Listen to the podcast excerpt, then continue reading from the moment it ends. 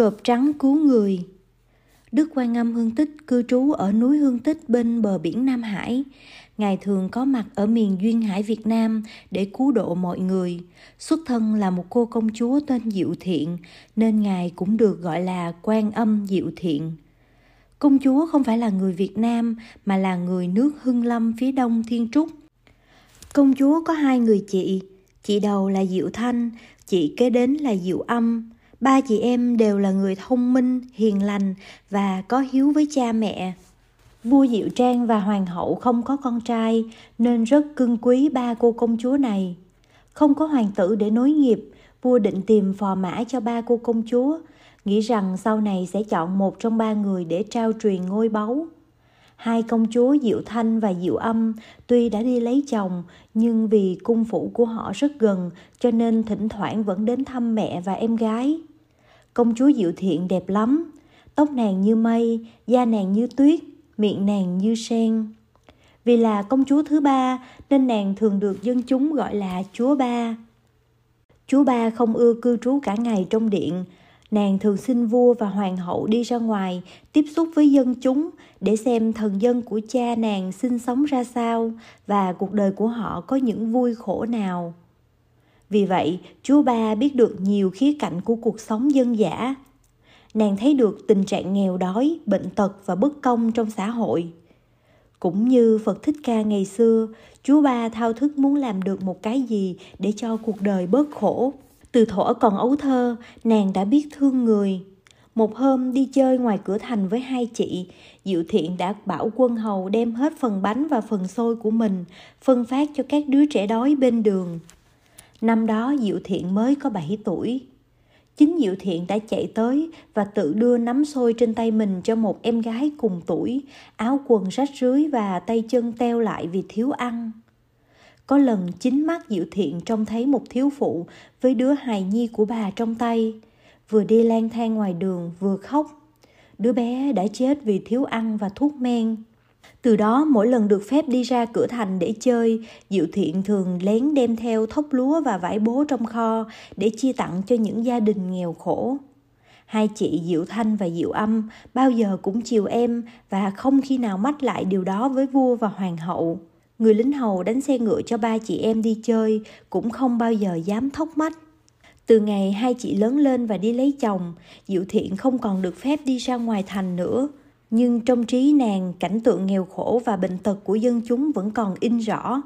Công chúa tự nhủ sau này trở thành người lớn, sẽ cố gắng làm mọi cách để giúp nước, giúp dân.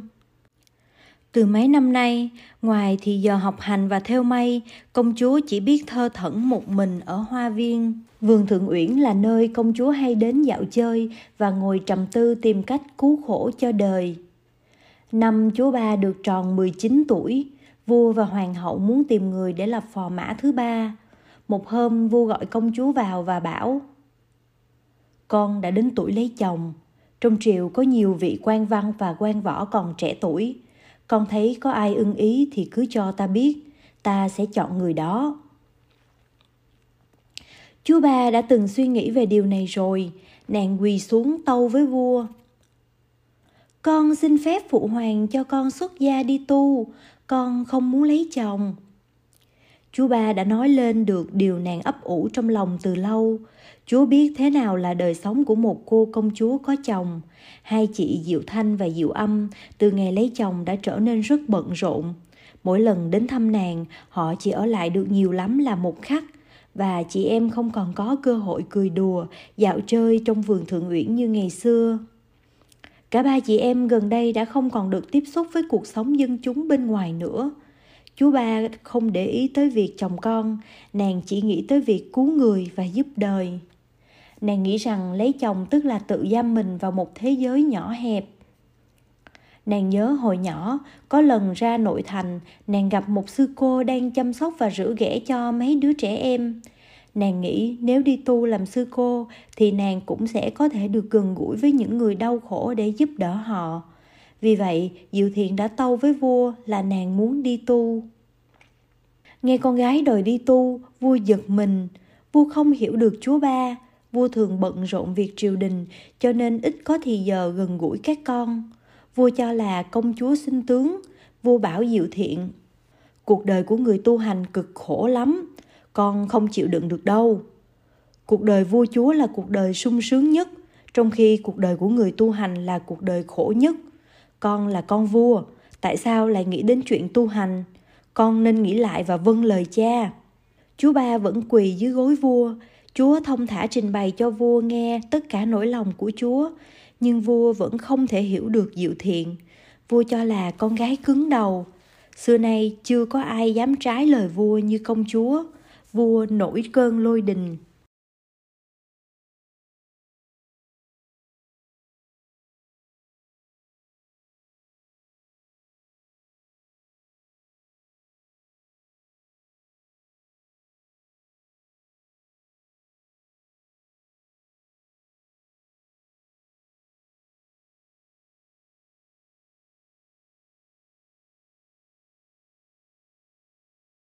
Sau một tháng sống ở ngự viên, chú ba vẫn không bỏ ý định xuất gia. Nàng còn cảm thấy dễ chịu hơn cả trong cung điện. Nàng tập thiền tọa và đi thiền hành. Nàng học sử dụng cuốc, sẻn và cào để chăm bón các khóm hoa và các bụi trúc. Nàng ăn cơm với muối mè rất ngon miệng.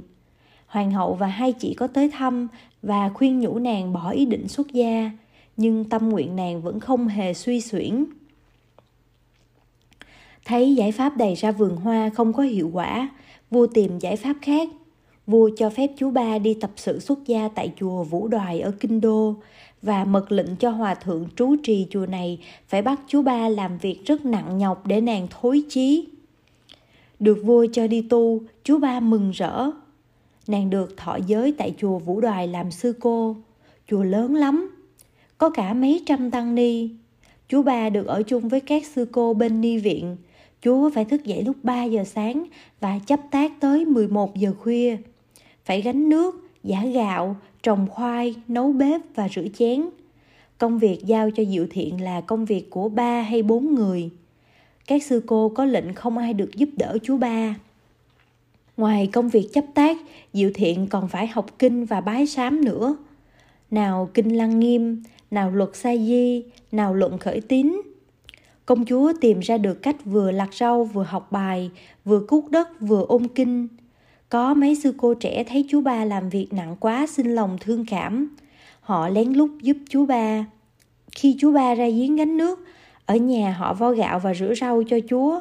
Khi trở lại giếng nước, chú ba đã thấy có hai thùng nước đầy sẵn, chỉ việc gánh về. Trong chùa người ta đồn là có rồng tới lấy nước giúp chúa và có chim tới lặt rau thay chúa. Tuy làm việc suốt ngày, nhưng chú ba vẫn học thuộc kinh luận như mọi người. Có khi lại thông hiểu kinh luận hơn mọi người là khác. Sáu tháng trôi qua, không thấy công chúa nản lòng, vua lại nổi trận lôi đình. Vua cho là hòa thượng trú trì đã không tuân lệnh vua và đã dung túng công chúa. Vua truyền lệnh đốt chùa. Vào một đêm không trăng sao, lúc chưa tăng chùa Vũ Đoài còn trong giờ chỉ tịnh, lính nhà vua tới bao vây rồi phóng hỏa đốt chùa. Ngọn lửa bốc cao, tiếng người la ơi ới. Sư cô diệu thiện được một bạn đồng tu cho biết là lính của vua đã được lệnh tới đốt chùa. Sư cô chạy ra thì thấy lửa đã cháy lan tới tăng đường. Lính tráng vây quanh không cho tăng ni chạy thoát. Họ được lệnh đốt chùa và đốt luôn cả mấy trăm tăng ni, trong đó có cả sư cô diệu thiện. Chú ba rơi nước mắt nghĩ rằng vì mình mà tất cả tăng ni trong chùa đều sẽ bị chết oan. Bà chắp tay lại thành búp sen, tập trung tâm ý và cầu nguyện tới chư Bụt và chư Bồ Tát mười phương. Rồi bà cắn ngón tay út cho chảy máu và rảy giọt máu vào trong lửa. Đột nhiên trên trời có tiếng sấm động và mưa trút xuống ào ào. Lửa tắt, quân lính nhà vua cũng bị ướt. Họ rút về. Sáng hôm sau, họ tâu tự sự với vua. Vua tức giận tới cực điểm, Vua truyền lệnh bắt lấy chú ba và đem chém ngay vào đêm tối hôm ấy tại pháp trường ở ngoại thành. Hoàng hậu van xin đến mấy, vua cũng không bất giận. Hai công chúa Diệu Âm và Diệu Thanh quỳ dưới chân vua mà khóc lóc đến mấy, vua cũng không đổi ý. Dân chúng xôn xao. Tối hôm đó, hàng chục ngàn người kéo nhau tới pháp trường để cầu nguyện cho chúa ba. Vua Diệu Trang đích thân tới pháp trường để chứng kiến cái chết của cô công chúa mà vua cho là bất trung, bất hiếu. Đèn đuốc sáng trưng, sư cô diệu thiện hai tay bị trói đằng sau lưng, được hai tên lính điệu ra giữa pháp trường. Sư cô thản nhiên niệm bục, cầu cho vua cha thoát nghiệp báo. Dân chúng vòng trong vòng ngoài khóc như ri. Đã đến giờ xử trảm, sau lệnh của trảm quan, ba hồi trống nổi lên dõng dạc. Chú ba đang quỳ giữa pháp trường, đầu cúi xuống, cổ đưa ra, đón chờ lưỡi dao của đao phủ đang đứng một bên. Hồi trống thứ ba vừa chấm dứt, đao phủ thủ vừa đưa chiếc dao sáng loáng lên cao, thì một trận cuồng phong thổi tới làm tắt hết đèn đuốc ở pháp trường. Một con bạch hổ ở đâu phóng tới và gầm lên làm mọi người kinh hãi lùi lại. Đao phủ thủ tối tăm cả mặt mày, lưỡi trảm đao của ông ta rơi xuống đất nghe ken một cái. Khi đèn đuốc được thắp trở lại, thì người ta không còn thấy sư cô Diệu Thiện ở đâu nữa.